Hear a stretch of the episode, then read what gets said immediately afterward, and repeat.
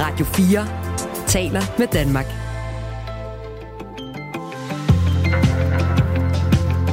Velkommen til Radio 4 morgen. Dansk Folkepartis undervisningsordfører Alex Hansen foreslår, som en del af løsningen i hvert fald, at man skriver i hånden, i stedet for at øh, give unge mennesker især mulighed for at snyde ved hjælp af den der chat-robot, som har været meget omtalt i medierne. På det sidste, hvordan løser man det? Pen og papir, siger altså Alex Arnsen. Mange inputs fra Radio 4 Morgens lyttere. Også nogen, der giver ham lidt ret. Jeg er tilbøjelig til at give ham ret, skriver en. Øh, men, skriver vedkommende videre, det er Silas fra Nordfyn. Men, jeg bryder mig ikke om politikere, der ikke kan kende forskel på fakta og personlige overbevisninger. Vi kan ikke udforme vores undervisning på baggrund af Alex Arnsens overbevisninger. nej, vi har brug for fakta for rigtige undersøgelser, skriver Silas.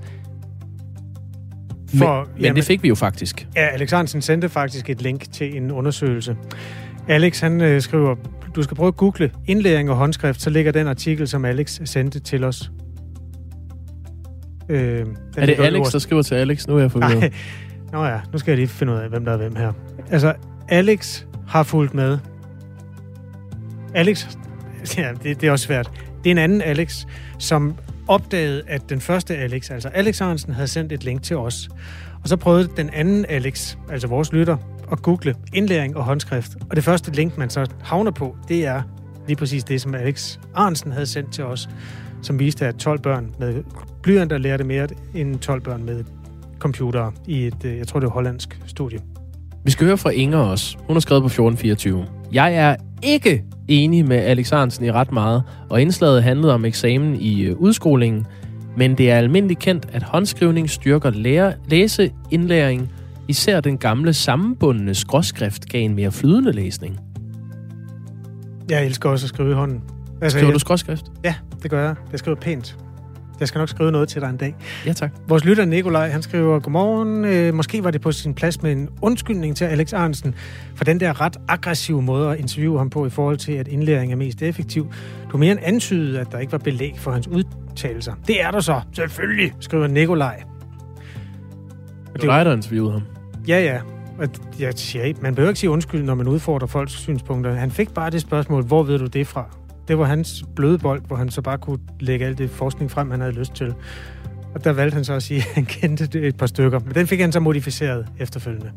Så det er fint nok. Men venter til det, Nikolaj. Vi spørger tit folk, hvor de ved det fra. Det er, burde du faktisk også spørge alle folk, der påstår, at de ved ting fra. Fordi i vores dage er der mange, der ved ting, som måske ikke ja, som har godt at blive efterprøvet. Det synes jeg i hvert fald. Lad os nu, nu vi er ved, øh, ved lyttere, der, øh, der kommenterer på måden, ting bliver sagt på her i programmet, så kan vi også lige vende os kort mod, at Danmark altså har vundet VM i håndbold i aftes mod Frankrig. 34-29 med en femmålsføring, og Frankrig holdt simpelthen op med at spille til sidst, fordi de blev udraderet af Danmark. Og vi havde Jonas Løjt med, som er journalist og følger øh, VM i håndbold for os her på Radio 4, og jeg tror, han fik sagt, at det var fandme en flot præstation eller noget lignende. Og det har fået Marianne fra IKAST til tasterne. Hun Nå. skriver, ja.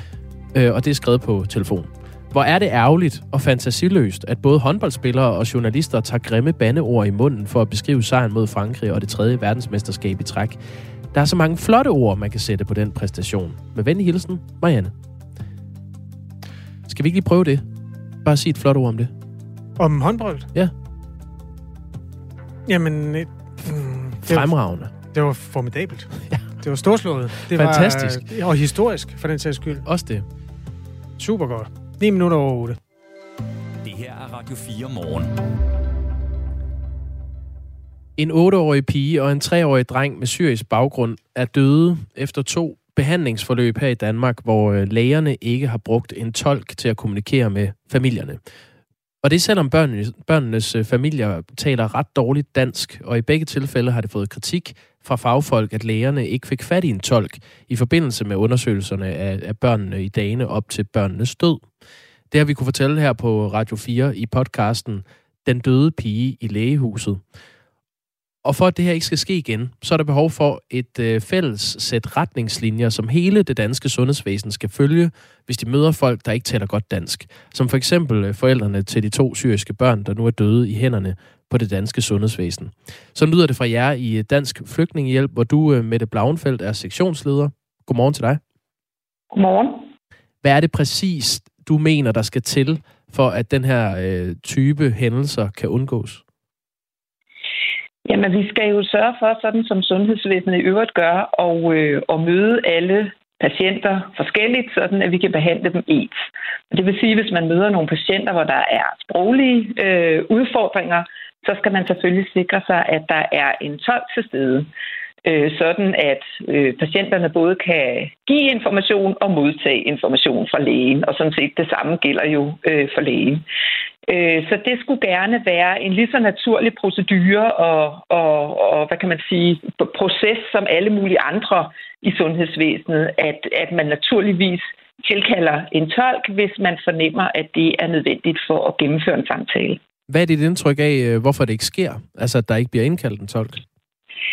Jamen, jeg tror, det, jeg tror faktisk, det skyldes mange forskellige ting.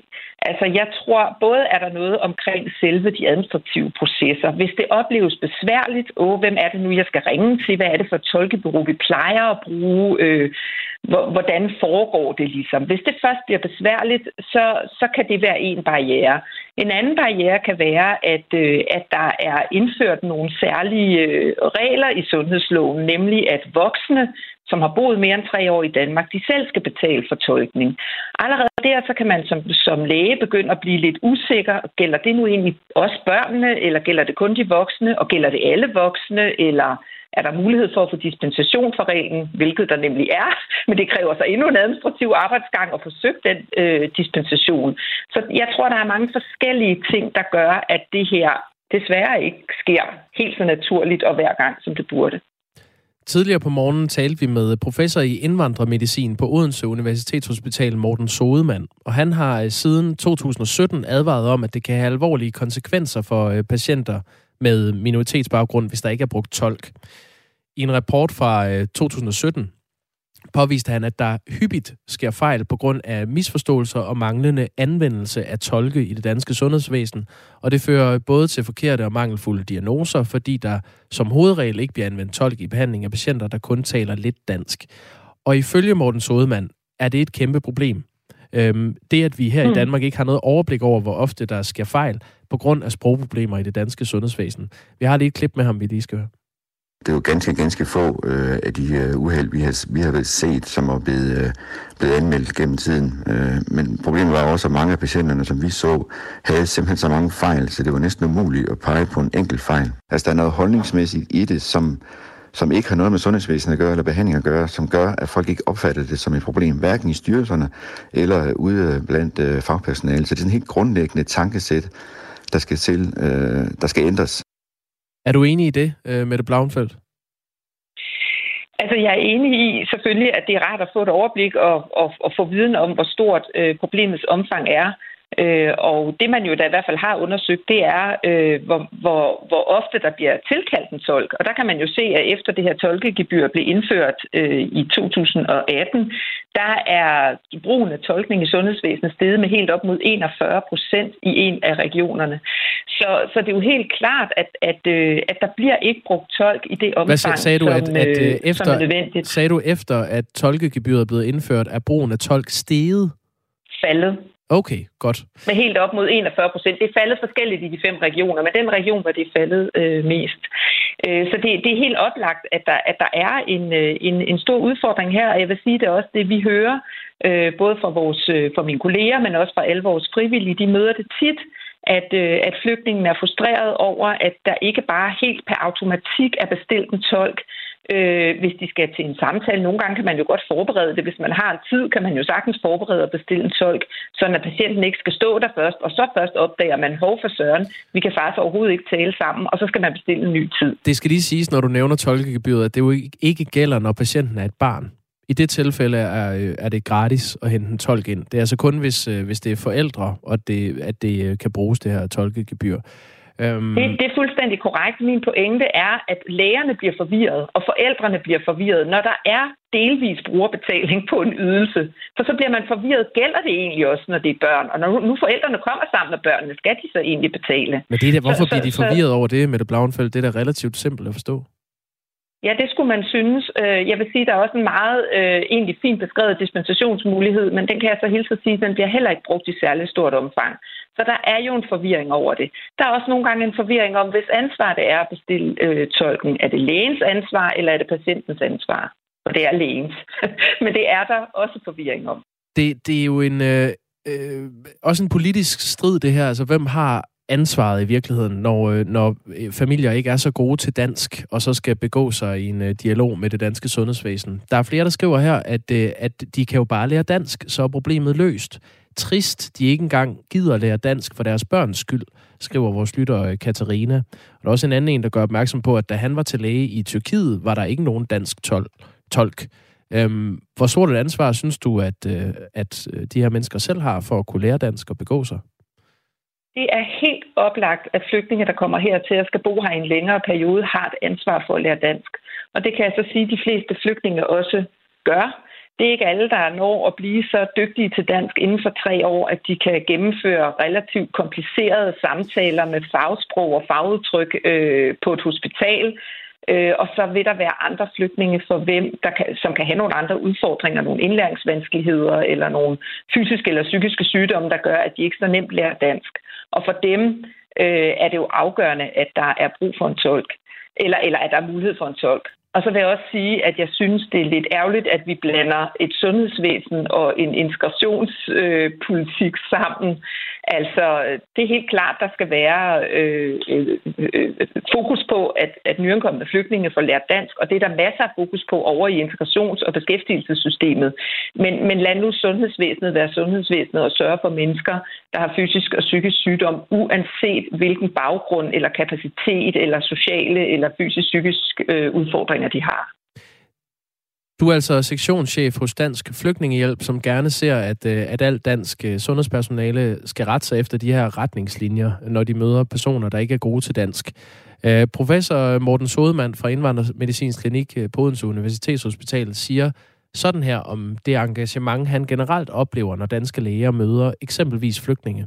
Det er jo den generelle tendens, vi ser, at, at man opfatter sprogbarriere som sådan en, en uh et patientproblem. Det er patientens problem, at der er en sprogbarriere. Jeg kan godt bestille en tolk, men det er noget bøv, det er tidskrævende. Man laver alle mulige krumspring for at slippe for øh, at bestille en tolk, øh, og for at bruge for meget tid på det. Hvis lægerne i Danmark generelt helst vil undgå det bøvl, som øh, Morten Sodemann her beskriver, altså det bøvl, der følger med en patient, der ikke taler godt dansk, er det så ikke optimistisk at tro, at et uh, sæt retningslinjer på området kan gøre en reel forskel?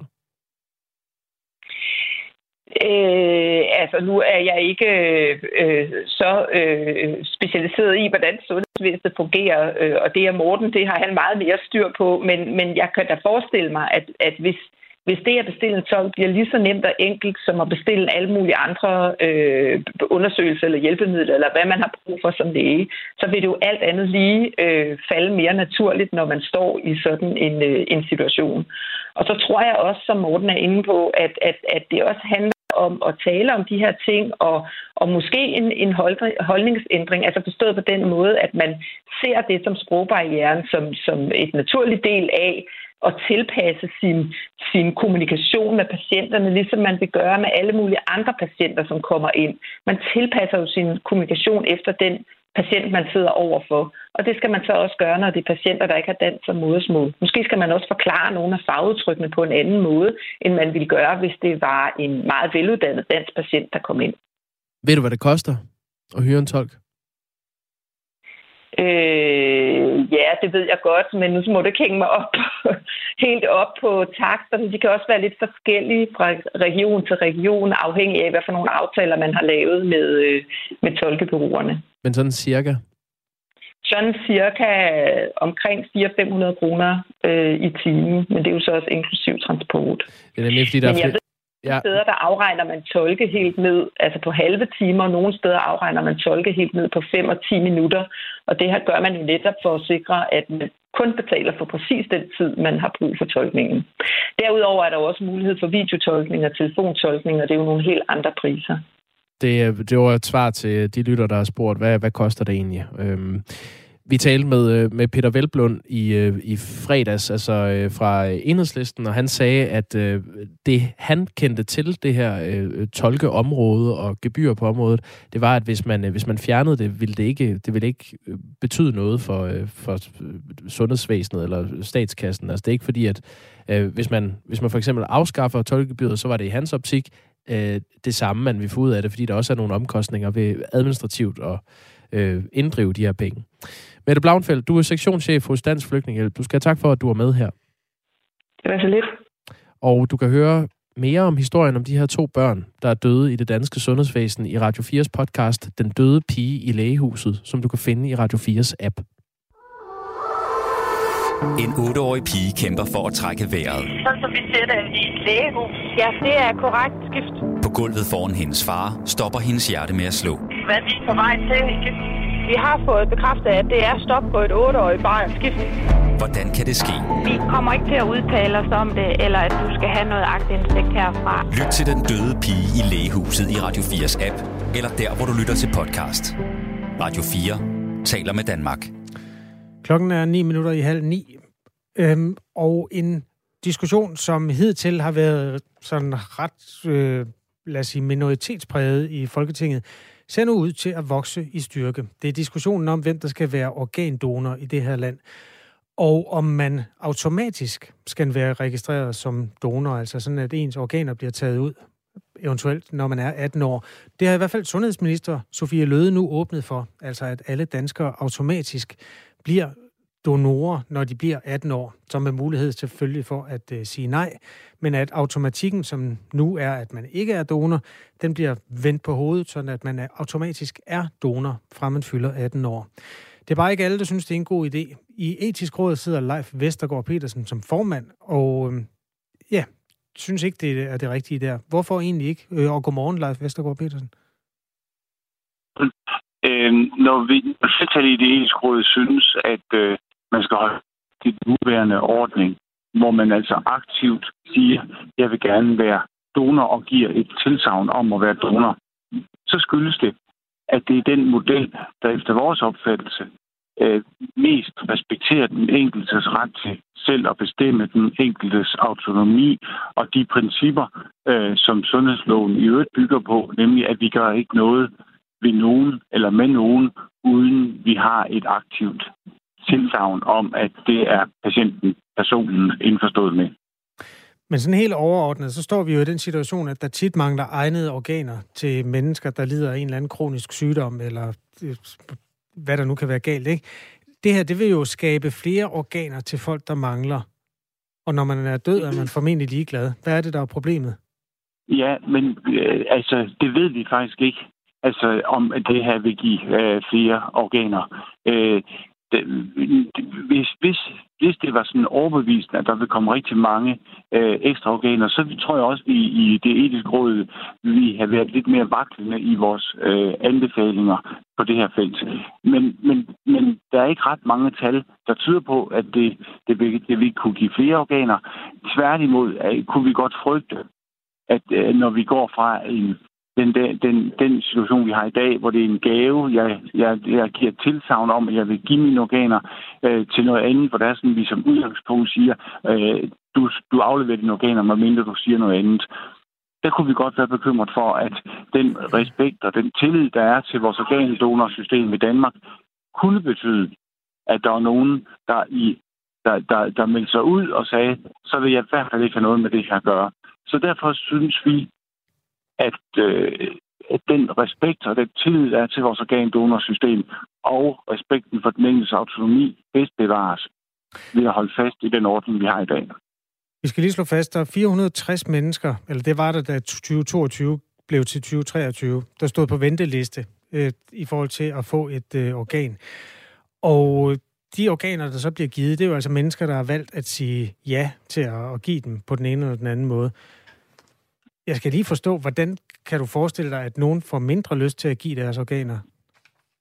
Jamen, det øh, er jo fordi, at der kan være en reaktion øh, mod det, at, at, at staten går ind og siger, men mindre du siger nej, øh, så, øh, øh, så øh, går vi ud fra, og så baserer vi vores beslutninger videre frem på, at du gerne vil give dine organer. Øh, så tager vi dine organer. Det, det, det, det kan vi, det, det er øh, de diskussioner og drøftelser, vi har haft i etisk råd, også om, hvordan tingene er andre steder. Og derfor lægger vi vægt på, at øh, vi skal respektere den enkeltes ret til øh, selv at bestemme, øh, og så i, i virkeligheden tilskynde danskerne til at tage stilling. Øh, fordi det er faktisk tilskyndelsen til at tage stilling, og det, at øh, man tager stilling, der gør, at vi får øh, flere organdonorer i Danmark. Leif Vestergaard Petersen, altså formand for Etisk Råd, hvor man har diskuteret det her, altså muligheden for at lave det automatisk øh, fra det øjeblik, man fylder 18, at man er registreret som donor af organer. Det I frygter, siger du, det er, at et menneske, som er klar til at give sine organer, de findes i dag. Der er nogle mennesker, jeg står også i donorregistret i øvrigt, øh, hvis du skulle få brug for dem på et tidspunkt. Øh, de mennesker vil vælge at gøre det modsatte, hvis de automatisk var anbragt der. Altså, jeg kan godt forstå overvejelsen, men jeg skal bare forstå, hvordan I er nået frem til, at nogen vil gøre det. Hvad, hvad baserer I det på?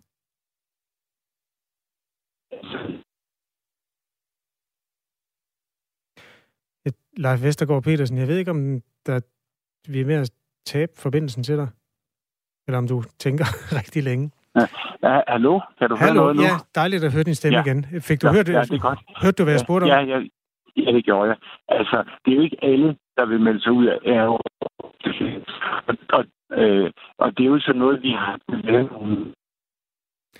det er virkelig ærgerligt, det her, fordi det er et rigtig godt sted i interviewet. Øh, jeg tror, vi gør det, at vi prøver at følge den op lidt senere. Altså, spørgsmålet er jo selvfølgelig, om det faktum, at staten, eller det politiske system, overvejer at anbringe os mennesker som automatiske donorer, fra vi fylder 18, og så er der mulighed for at sige nej fra det sekund, om det vil bringe flere eller færre organer til de 460 mennesker, som står på ventelisten, og håber på at få nye lunger eller nyt hjerte eller sådan noget.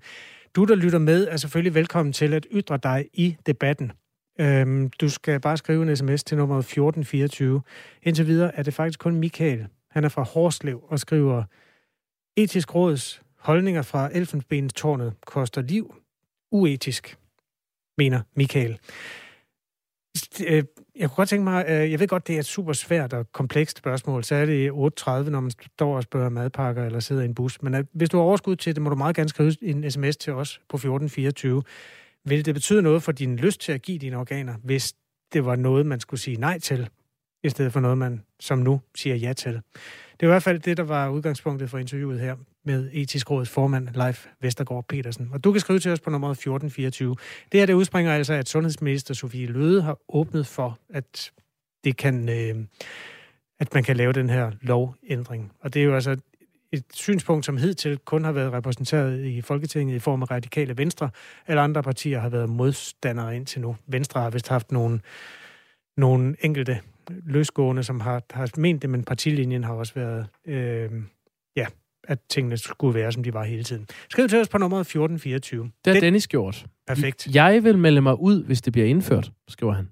Okay, altså Dennis er registreret som donor og vil ikke være donor Ja, altså hvis, jeg tror, hvis det bliver indført, at man øh, per definition er meldt ind fra start, så vil han melde sig ud. Ja, det kan da godt være. Nikolaj har også skrevet. Øh, nu kunne, kom du da vist til at påstå, at en automatisk ordning vil betyde flere organer, men den påstand var uden forskningsmæssigt belæg. Eller kan du henvise til forskningen? Nej, jeg har ingen forskning på det felt. Jeg aner det ikke. Øh, man har jo aldrig lavet forsøg i Danmark med at ændre fra den ene type lovgivning til den anden. Og jeg tror, hvis der fandtes noget forskning, så havde Leif Vestergaard Petersen nok også kendt det. Altså, det er jo, det er jo synsninger i øjeblikket. Så det, hvis jeg kom til at lyde som om, at jeg troede, at der ville komme flere organer, så var det ud fra en logisk betragtning. Og dem skal man selvfølgelig passe på med. Tina skriver, få egen læge til at spørge og notere det i journalen ved første besøg efter 18 år. Der kan også være, ja, der kan også være nogle dilemmaer i det. Ikke? Hvis du sender en 18-årig, hvor man stiller spørgsmålstegn ved mange ting, og måske er meget autoritetstro på nogle andre områder, så kan der komme, det ved jeg ikke, så bliver lægen på en eller anden måde også en mellemmand, sådan nærmest sådan en, en facer, der er ude og prøver at, at fange organdonorer. Mm-hmm. Der, der kan også være dilemmaer der. Det kan vi jo tale med lægerne om. Inge skriver ligesom Dennis, at hvis øh, det bliver tilfældet, at man øh, er indmeldt i organdonorregistret ved fødslen, så vil hun med det samme gå ind og melde sig ud. Hvem ejer min krop? Staten eller mig? Spørger Mark. Ja, du må gerne øh, blande Ma- dig Mark i... spørger, hvem der ejer kroppen. Det gør du. Mark. Klokken er halv ni. Nu er der nyheder på Radio 4. Forureningen fra Grænstedværket har spredt sig til to boligområder i byen. Det bekræfter en ny rapport fra rådgivningsvirksomheden Covi, skriver Dagbladet Information. Spredningen er sket til trods for, at rapporter i årtier har advaret om, at forureningen fra Grænstedværket i den sydvestjyske by kunne løbe ind under huse og private haver i boligområdet Sydbyen Samtidig har Billund Kommune siden 2006 vist, at forureningen fra Grænstedværket potentielt kunne have kurs mod bydelen Morsbøl Søpark. Alligevel har kommunen fortsat byggeriet. Nu viser det sig, at forureningen findes i både Sydbyen og Morsbøl Søpark, fremgår det ifølge avisen af COVID-rapporten. Først i maj 2022 forbød Billund Kommune havevanding fra de mere end 100 private vandboringer, der findes i området. Ifølge professor i toksikologi ved Københavns Universitet, Lisbeth E. Knudsen, kan det i værste fald betyde, at mange borgere har vandet deres haver med forurenet vand. Det har professoren tidligere vurderet, skriver Information. Katie Jøllund bor i Grænsted, og hun er ikke overrasket over nyheden. Det fortæller hun til Radio 4 det er sådan er, er lidt chokeret over, det er, at når kommunen siden 2006 har haft en formodning om, at der kunne være en potentiel forurening derude, at man så alligevel tillader at bygge øh, en hel masse nye huse, en flotte lækker hus derude. Det synes jeg er meget, meget øh, foruroligende. Som den første nation nogensinde har Danmark vundet VM i herrehåndbold tre gange i træk, og det skal naturligvis fejres. Mathias Gissel og de andre verdensmestre ankommer med fly fra Stockholm lidt efter kl. 15 i dag, og efter presseaktiviteter i Københavns Lufthavn går turen videre til Rådhuspladsen. Her ankommer håndboldheltene efter planen lidt over kl. 17 og vil blive hyldet med blandt andet taler, pandekager og en tur på balkongen. De danske håndboldherrer er verdensmestre for tredje gang i træk. Det er intet mindre end en historisk bedrift, som fortjener den største respekt og hyldest. Balkongen er selvfølgelig klar til VM-holdet. Jeg håber, at hele Danmark vil valgfarte til København og Rådhuspladsen for at fejre de tredobbelte guldvindere, siger overborgmester Sofie Hestop Andersen. Københavns Kommune anbefaler at komme i god tid til fejringen, da en del af Rådhuspladsen er under renovering og derfor afspærret. To personer er blevet anholdt, mens politiet stadig leder efter en tredje mistænkt i forbindelse med et skyderi i Aalborg i aftes, hvor en 33-årig mand blev såret, det skriver Nordjyllands politi i en pressemeddelelse. Politiet har i alt mistænkt tre personer, oplyser politikommissær Lasse Krav, som koordinerer efterforskningen for politiet. De to anholdte er en 20-årig kvinde og en 18-årig mand. Lasse Krav oplyser, at endnu en 18-årig mand er mistænkt i sagen og opfordrer ham til at melde sig. Vores efterforskningsskridt i sagen gør, at denne tredje mistænkte i sagen ikke kan være i tvivl om, at vi leder intenst efter ham. Og hvis han ikke melder sig selv til os, så kommer vi til at efterlyse ham i offentligheden med navn og billede, siger Lasse Krav i pressemeddelelsen. Det tyder på, at Israel sent lørdag aften lokaltid stod bag et droneangreb på en militærfabrik i Iran. Det citerer nyhedsbruget Reuters og flere amerikanske medier, unavgivende amerikanske embedsmænd for at sige. Iran hævder selv at have afværget angrebet og at der ikke skete betydelig materiel skade eller var nogen til skadekommende. Billeder på sociale medier viser, hvad der ligner en eksplosion på fabrikken, der ligger i byen Isfahan, syd for hovedstaden Teheran. En talsmand fra det amerikanske forsvarsministerium siger til Reuters, at USA ikke var involveret i angrebet. Irans udenrigsminister, udenrigsminister kalder angrebet for et kujonagtigt forsøg på at skabe usikkerhed i sit land. Officielt har Iran ikke givet nogen skylden for angrebet. Først let skyde hver i dag, og senere lidt eller nogen sol i Nordjylland. En del sol, og så får vi temperaturer op mellem 3 og 6 grader i dag. Du lytter til Radio 4 morgen. Husk, du kan skrive en sms til os på 1424. Det var på den måde, vi fik øh, Thomas i tale. Ham skal vi tale med om et øjeblik. Alex Arnsen er jo altså undervisningsordfører hos Dansk Folkeparti, og synes, at løsningen på, eller i hvert fald en del af løsningen på de der mange snydemuligheder, som internettet giver, er at genindføre håndskriften som en del af øh, eksamen, eller som den bærende element simpelthen i eksamen, at man skriver med pind og papir. Og det var der, vi, jeg tror, vi skal tale med Thomas om et øjeblik. Jeg kigger ud. Nå, der er åbenbart gået lidt ged i den telefonforbindelse, men det vender vi øh, i hvert fald tilbage til om øh, et øjeblik. Det er en af de mange gryder, der koger på nyhedskomfuret den her morgen. Vi er selvfølgelig også øh, en gryde fyldt med håndbold. Og øh, selvfølgelig også en øh, gryde, som handler om, hvorvidt det skal være øh, sådan, at man er tilmeldt organdonorregistret når man øh, bliver 18 år automatisk. Er der det er kommet flere af den? Sundhedsminister Sofie Løde åbner op for øh, fra Venstre.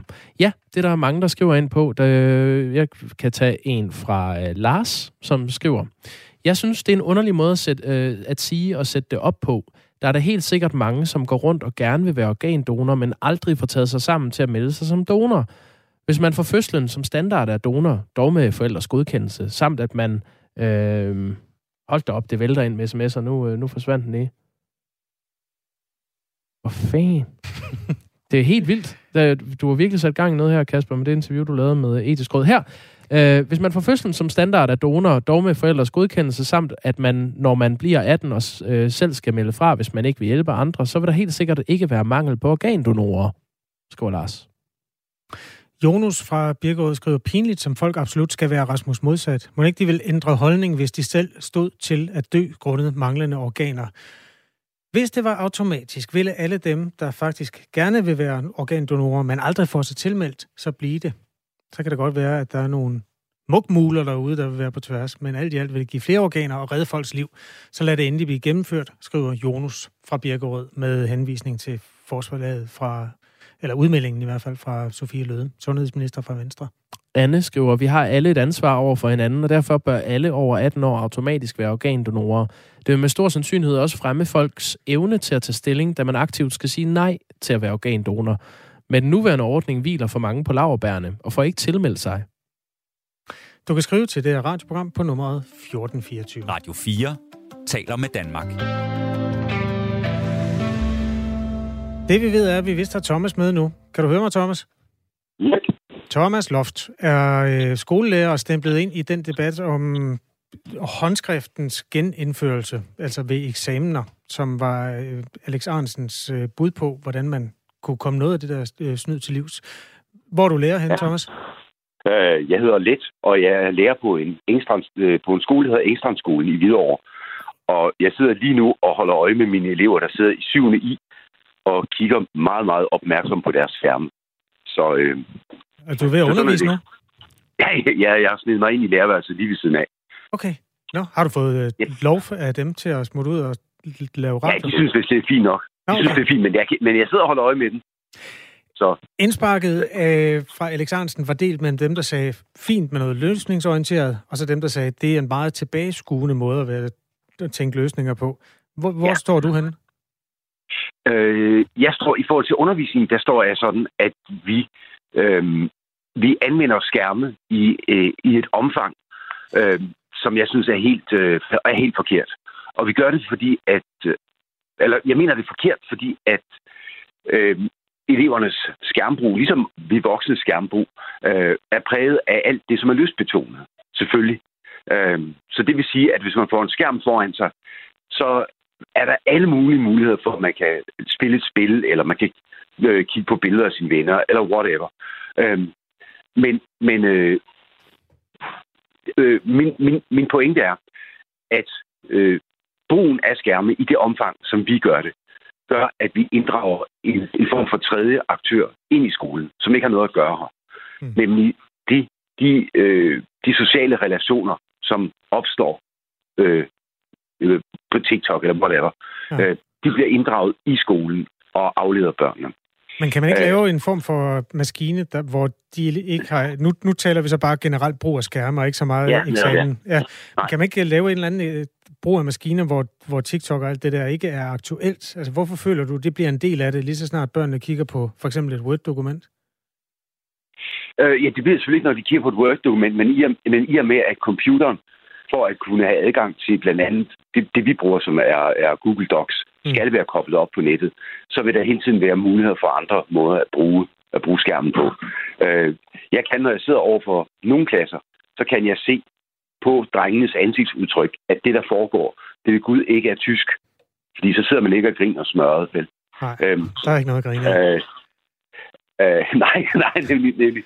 Øh, Øh, så så jo, min, min holdning er egentlig ikke en, noget med, at altså, man skal ikke bruge skærm og den slags. Men vi overtog i sin tid en, en holdning, blandt andet der blev indført iPads på alle skoler, øh, en holdning, som var, at de i sig selv udgjorde en løsning på noget som helst. Og det gør de ikke. Øh, ungerne kan fysisk og taktilt ikke skelne mellem, om de nu har dansk eller tysk eller hvad de har, fordi det ser ens ud på skærmene. Og det giver en uro, at de ikke har deres telefoner, fordi at de øh, stakkels unger, ligesom alle os andre, er afhængige af de skide telefoner. Øh, så min pointe er, at øh, jeg foreslår, at man til eksamener sørger for, at eleverne ikke kan bruge nettet til deres eksamener. Ja. Vi har en masse. Og at man øh, i, øh, i øh, folkeskolerne som helhed øh, sørge for, at mo- mobiltelefoner bliver inddraget om morgenen og udleveret om eftermiddagen. Thomas Let Rasmussen, vi bliver nødt til at lukke her, øh, men der er med et uh, input på den, altså lærer på Engstrand skolen i Hvidovre. Det er bare lige faktuelt for, at, nu bliver det tit gjort til sådan en generationsting. Må jeg spørge, hvor gammel ja. du er? Bare lige på vej ud. Ja, ja jeg er 59, og, øh, og det er ikke en generationsting. Jeg har, har, øh, jeg har anvendt øh, de her remedier lige siden jeg ligesom de blev opfundet nærmest. Ja. Øh, så det kan godt være, at det er en generationsting.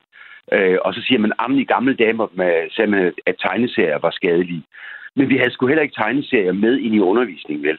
Øh, Nej, tal for dig har vi, vi har nogle gadgets, som er interesseret i at udnytte unge menneskers behov for opmærksomhed, og de gadgets har for stor en rolle i unge menneskers liv. Sådan er det.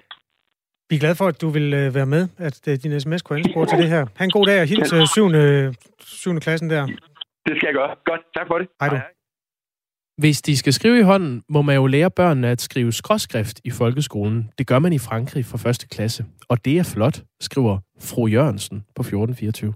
Jeg sad i skolen tit ved siden af en, der hed Lise, som sagde til mig en gang, når du skriver, så prøv at lege, at du tegner. Tegner bogstaverne i stedet for.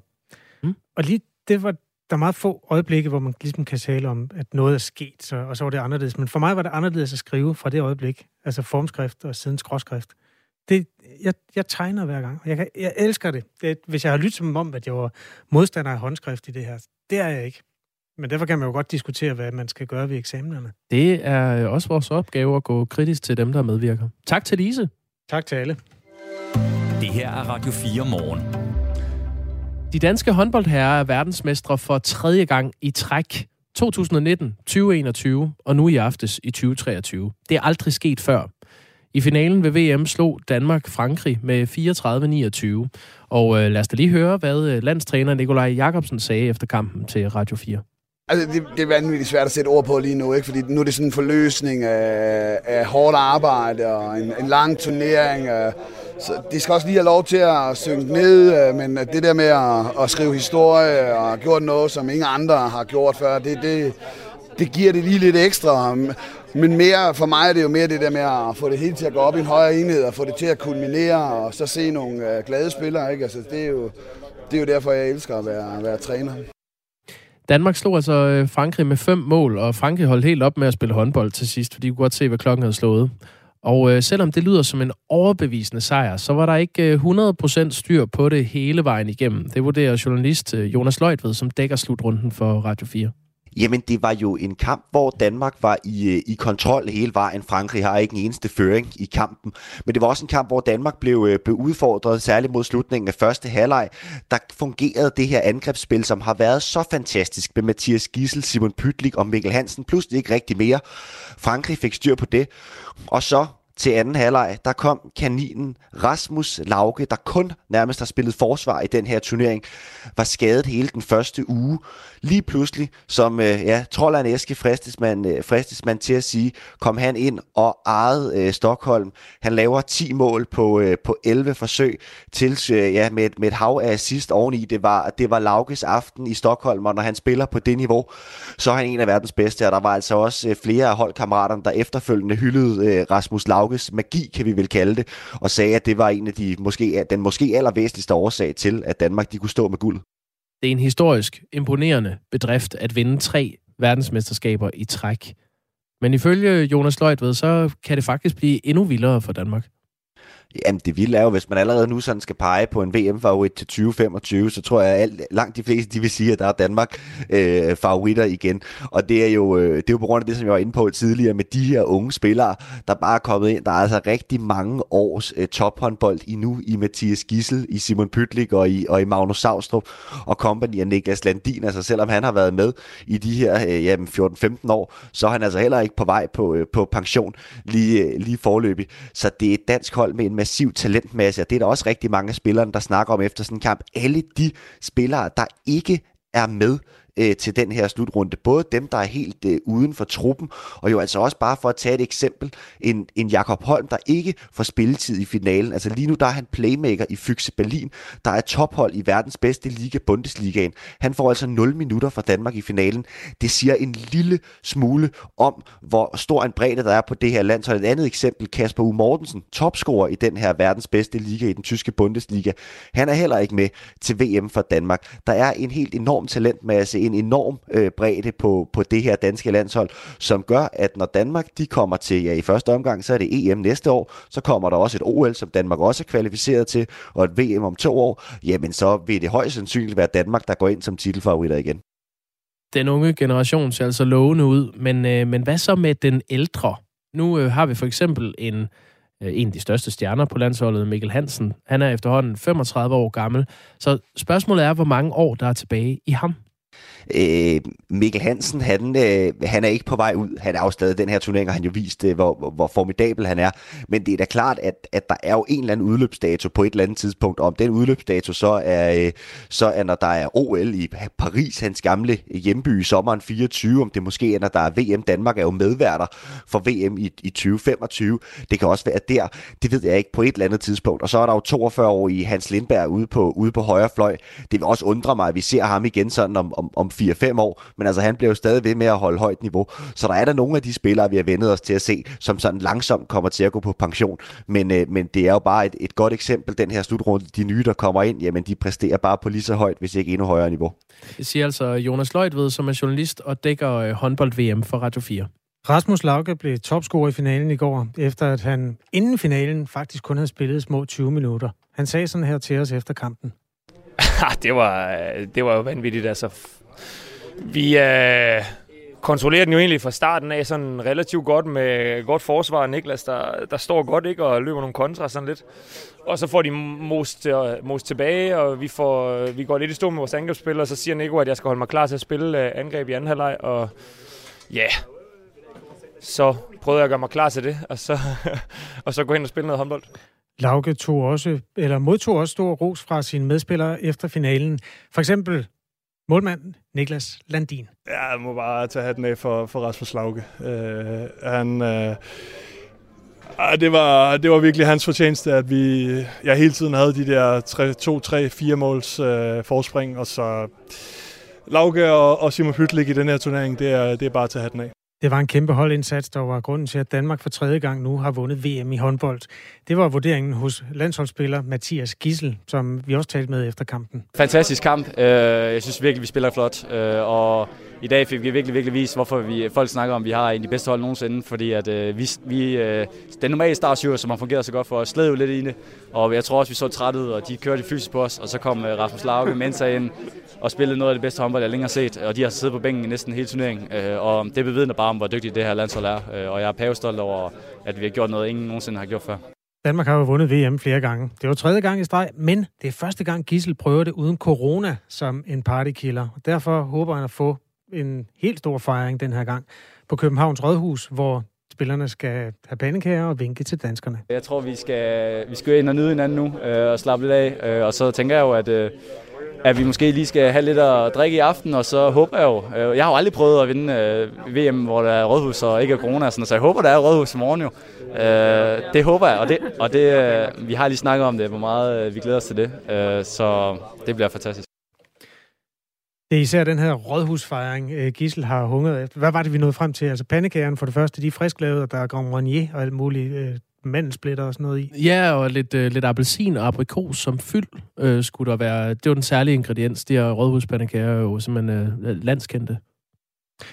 Og... Det sker i dag, og det er klokken 17, øh, at ja. man øh, kan møde op der. Og det kan han glæde sig til. Det var faktisk det, der gjorde lidt ondt i 21, det var, at, øh, at da vi kom hjem, så, så var der ikke, øh, så var I der, øh, og, og det var ikke lige helst jer, vi ville se, da vi landede i lufthavnen. Vi vil rigtig gerne på Rådhuset og, og nyde det, og nu skal vi ud og sige tak.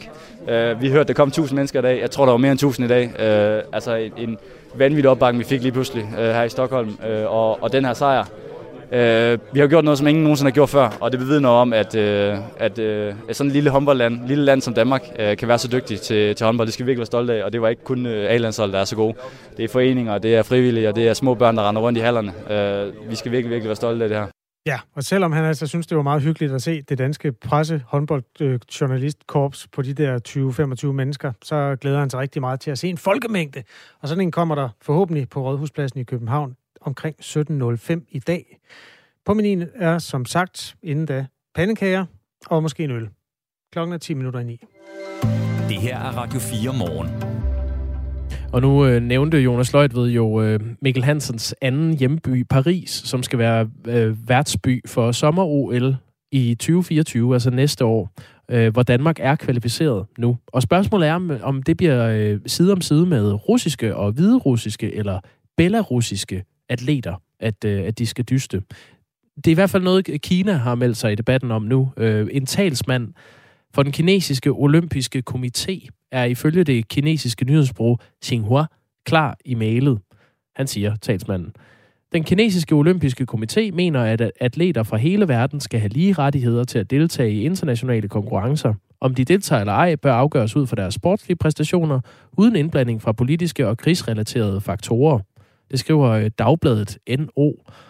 Øh, grunden til, at Kina føler sig kaldet til at kommentere på det, det er jo fordi, der er flere nationer, der har været ude og sige, at det synes man ikke. Altså, at, øh, at der skal være russiske og belarusiske atleter ved øh, OL i Paris i 2024. Formanden for Danmarks Idrætsforbund, Hans Natorp, sagde i fredags, vi synes ikke, at tiden er inde til, at vi skal diskutere, om russiske atleter skal deltage i konkurrencer igen, eller OL i Paris.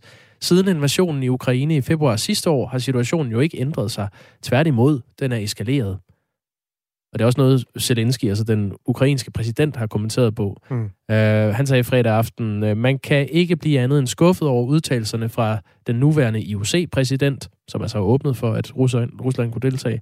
Jeg har snakket med ham flere gange, og hørte aldrig, hvordan han ville beskytte idrætten fra krigspropaganda, hvis han tillader, at russiske atleter kommer tilbage til internationale konkurrencer. Det kan jo forekomme øh, som en besønderlig diskussion, når man sidder her i den vestlige verden, men hvis man kigger på, hvor mange lande, der bakker op om sanktionerne mod Rusland, så er det jo i virkeligheden også et mindretal, og de helt store nationer gør jo ikke. Så på den måde er det måske en meget relevant diskussion, han tager op der. Mm. Det er først til 2024, der er halvandet år at diskutere i. Lad os håbe, krigen er slut inden da. Lige nu er klokken 7 minutter i 9. Radio 4 Morgen med Jakob Grosen og Kasper Harbo. Meget politik, og skal vi ikke lige tage en mere af dem? Jo, lad os gøre det. Uh, vi kan jo kigge på Voxmeter. Analyseinstituttet Voxmeter er kommet med en ny meningsmåling, og um, Socialdemokratiet får her til morgen den dårligste Voxmeter-måling i 8 år. I målingen står partiet til 22,8 procent af stemmerne. Det er 4,7 procent point lavere end ved valget i november. Thomas Larsen er politisk redaktør på Radio 4. Godmorgen. Godmorgen.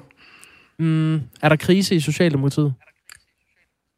Ja, det mener man må sige øh, ja til. Altså, det er en øh, vælgerkrise, der er under udvikling øh, nu, og det vi jo skal tænke på, det er, at Socialdemokratiet fik faktisk et fremragende resultat ved folketingsvalget, og øh, den store gevinst, man høstede der, er jo allerede sat i den grad uh, over styr, og nu er man så styrdykket i flere målinger. Man kan også måle det på en anden måde, og det er jo, hvis man ser på opbakningen til Mette Frederiksen, så har den simpelthen været historisk stærk i den tid, hun har siddet i spidsen for øh, Socialdemokratiet Socialdemokratiet og har siddet på posten som Socialdemokratiets øh, formand. Altså, der har været en sjældent stærk og samlet opbakning til hende. Og det vi jo ser her i disse øh, dage og uger, det er, at internt i Socialdemokratiet, altså selv blandt medlemmer og kernesocialdemokrater, der er der folk, der er ved at få nok, og der er nogen, der sådan tror med at melde sig ud, og der er også nogen, der har gjort det. Og så er der jo den her, jeg vil nærmest kalde det, altså krig, eller det store opgør, der er i gang mellem Socialdemokratiet og fagbevægelsen, øh, fordi fagbevægelsen er ekstremt ekstremt utilfredse med, at øh, regeringen vil fjerne stor bededag, stor bededag, fordi de ser det som en form for indgreb i arbejdsmarkedets forhold. Så der er altså flere, vil jeg sige, meget store krisetegn for Socialdemokratiet lige nu. Hvad, hvad betyder det for øh, Socialdemokratiet at få sådan en dårlig måling, altså den værste i otte år?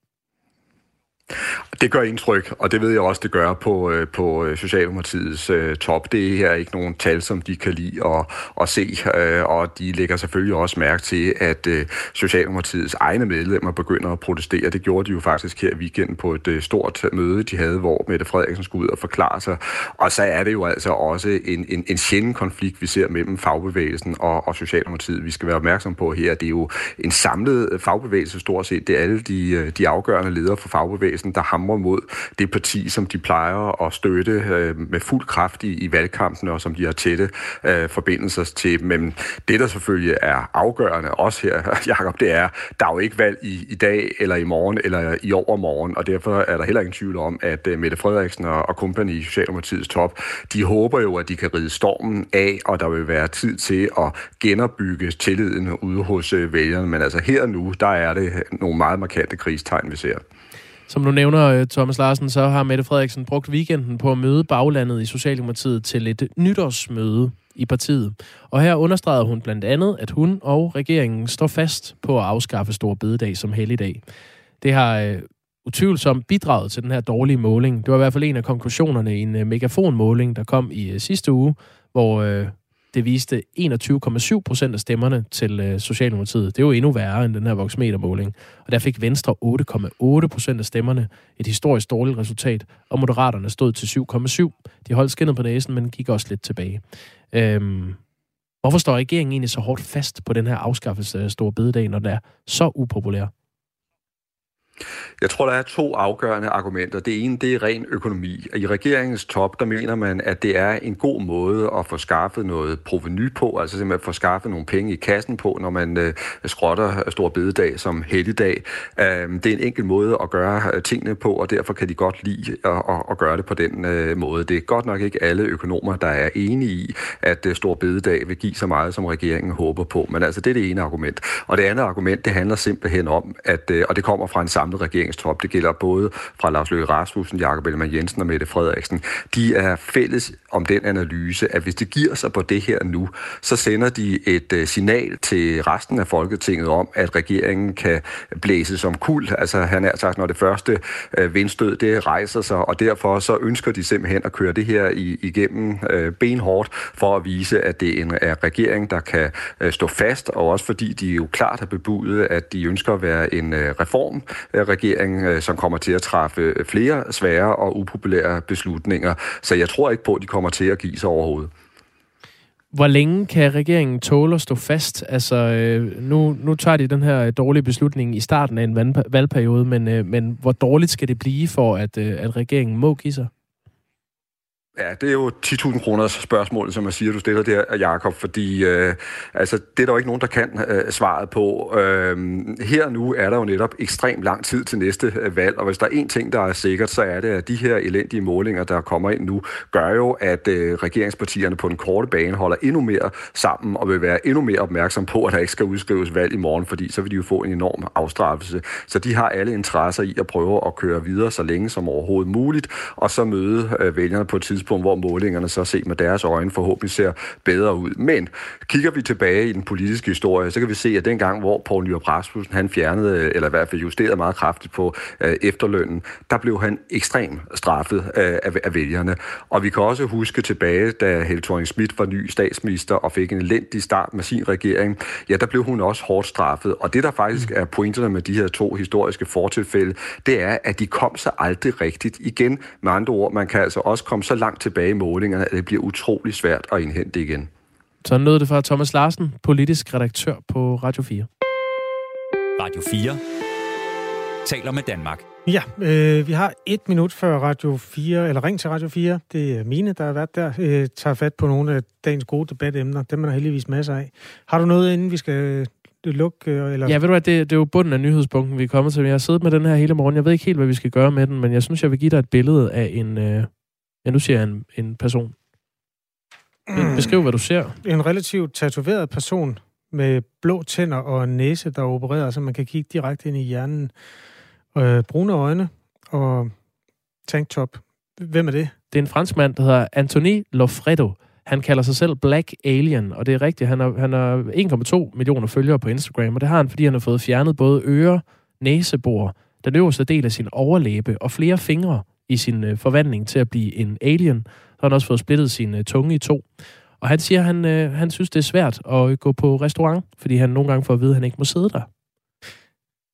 Det kan jeg faktisk godt forstå, nogle restauranter siger, at den ikke må. Hvis du øh, er lige lovligt sulten, så skal du gå ind og google ham her, fordi så mister du simpelthen appetitten lige på stedet. Hvad ja. var det, han hed? Øh, Anthony Lofredo, han overvejer lige nu, om han skal amputere sit ene ben.